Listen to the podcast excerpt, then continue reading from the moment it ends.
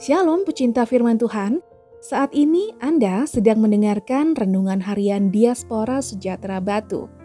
Pembacaan Alkitab diambil dari Kejadian 37 ayat 5 sampai 8. Pada suatu kali bermimpilah Yusuf. Lalu mimpinya itu diceritakannya kepada saudara-saudaranya. Sebab itulah mereka lebih benci lagi kepadanya.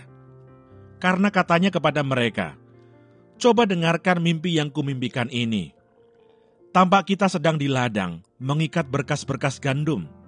Lalu bangkitlah berkasku dan tegak berdiri. Kemudian datanglah berkas-berkas kamu sekalian mengelilingi dan sujud menyembah kepada berkasku itu. Lalu saudara-saudaranya berkata kepadanya, Apakah engkau ingin menjadi raja atas kami? Apakah engkau ingin berkuasa atas kami? Jadi makin bencilah mereka kepadanya karena mimpinya dan karena perkataannya itu.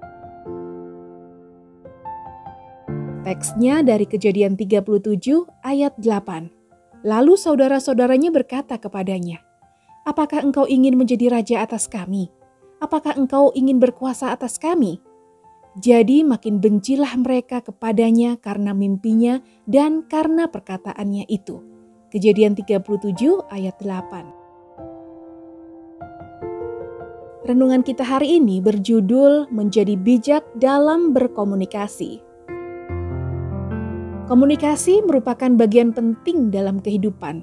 Komunikasi yang baik membuat masing-masing pihak mudah memahami apa yang dimaksud, sehingga apa yang diharapkan pun bisa tercapai. Sebaliknya, ketika komunikasi dilakukan pada waktu yang tidak tepat dengan bahasa yang kurang bijak, akan membuat orang lain tersinggung, walaupun yang disampaikan itu kebenaran serta tidak ada maksud untuk menghina, merugikan, atau memanfaatkan orang lain. Yusuf adalah orang yang dipersiapkan Allah untuk memelihara keturunan Israel ketika bencana kelaparan melanda dunia. Namun karena Yusuf kurang bijak dalam mengkomunikasikan kepada saudara-saudaranya tentang penglihatan dan petunjuk yang Tuhan berikan kepadanya, maka Yusuf justru semakin dibenci saudaranya sendiri. Bagian ini mengajarkan kepada kita untuk bijak dalam menyampaikan firman Tuhan, supaya banyak orang bisa menerima dan memahaminya karena cara komunikasi kita yang baik dan benar. Akan tetapi, jika cara mengkomunikasikan firman tidak bijak, maka justru orang akan menolak, menghakimi, dan menghujat kita.